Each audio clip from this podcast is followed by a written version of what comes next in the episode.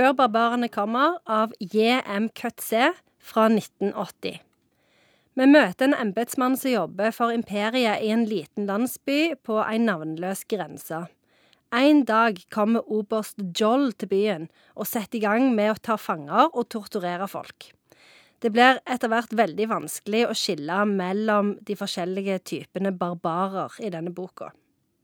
Ja, Veldig mye trist og stuss- stusslig her nå. Mm, det var det. Men denne boka er veldig kul, da. Eh, og jeg tenker at den Det er to ting med denne boka. Det første er at den når du leser forfatteren sitt navn, så er det nesten umulig å vite hvordan du skal uttale det. Det tenkte jeg òg, for når jeg ser på boka her nå, så er det C-O-E-T-Z-E-E. Coetze. Ja. Coet- Så det er sånne egne instruksjonsvideoer på YouTube hvordan du skal uttale navnet hans. For det er veldig kjipt hvis du kommer og skal ha en forelesning, og så sier du det feil. Kanskje du sier Kutsia eller et eller annet sånt. Han er jo fra Sør-Afrika, da. Men det, så det kan jeg si her nå, at det uttales Kutse. Køtse. Ja. OK.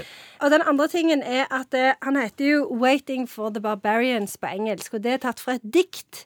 Hvor den ene strofa går på at det, altså, hva skal skje med oss nå uten barbarene? Var, de var liksom løsningen, de menneskene. Så det han egentlig handler om, er den der trangen vi har til oss å alltid lage et sånn et mm, oss og de andre. Så det er jo det han tar for seg. Den er jo veldig relevant her og nå i dag, hvor vi har en del sånne og de andre konstruksjoner som, som plager oss på forskjellige måter. da. Men barbarene, det klinger ikke godt, det. Det gjør jo ikke det, men det som er interessant, det er jo at det, de som tror de er sivilisasjonen, det er jo kanskje de som er de største barbarene. For det er jo de som begynner å ta fanger og torturere folk i øst og vest. Og det er jo litt sånn barbarisk oppførsel. Mens de, de som de kaller barbarene, er jo bare folk som prøver liksom å klare seg ved hjelp av å ha noen kuer og geiter og leve av jorda. Skrevet i 1980. Ja. Så det er jo, eh, det er jo eh, under apartheid-regimet. Eh, og det som er, men det som er veldig kult med Kutsi sine bøker, det er at han Kutsi. Ja, Kutsi sine bøker. Takk, Bjørn Olav. Eh, det er at han eh, Han holder det veldig sånn anonymt, sånn at det har en sånn Altså, det er bøker som egentlig kan, kan handle om hva det skulle være. Men med tanke på forholdene i Sør-Afrika i 1980, så er nok det et utgangspunkt. Absolutt. Absolutt.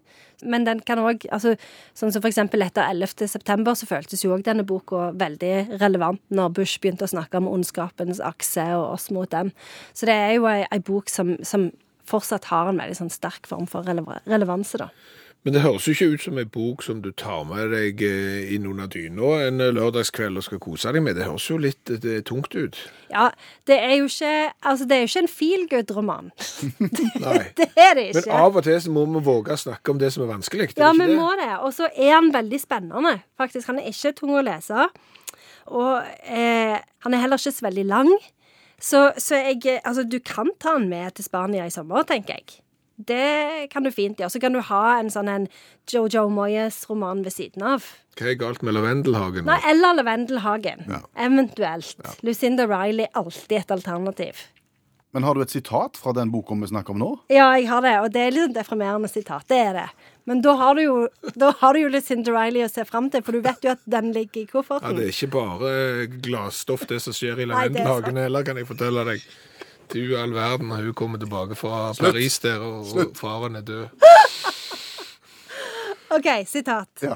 Ingenting er verre enn det vi kan forestille oss.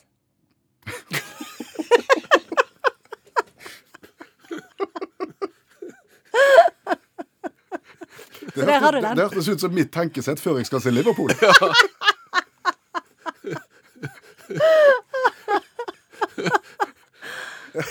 hørtes ut som en gladlaks, han der uh, Kutse. Ja.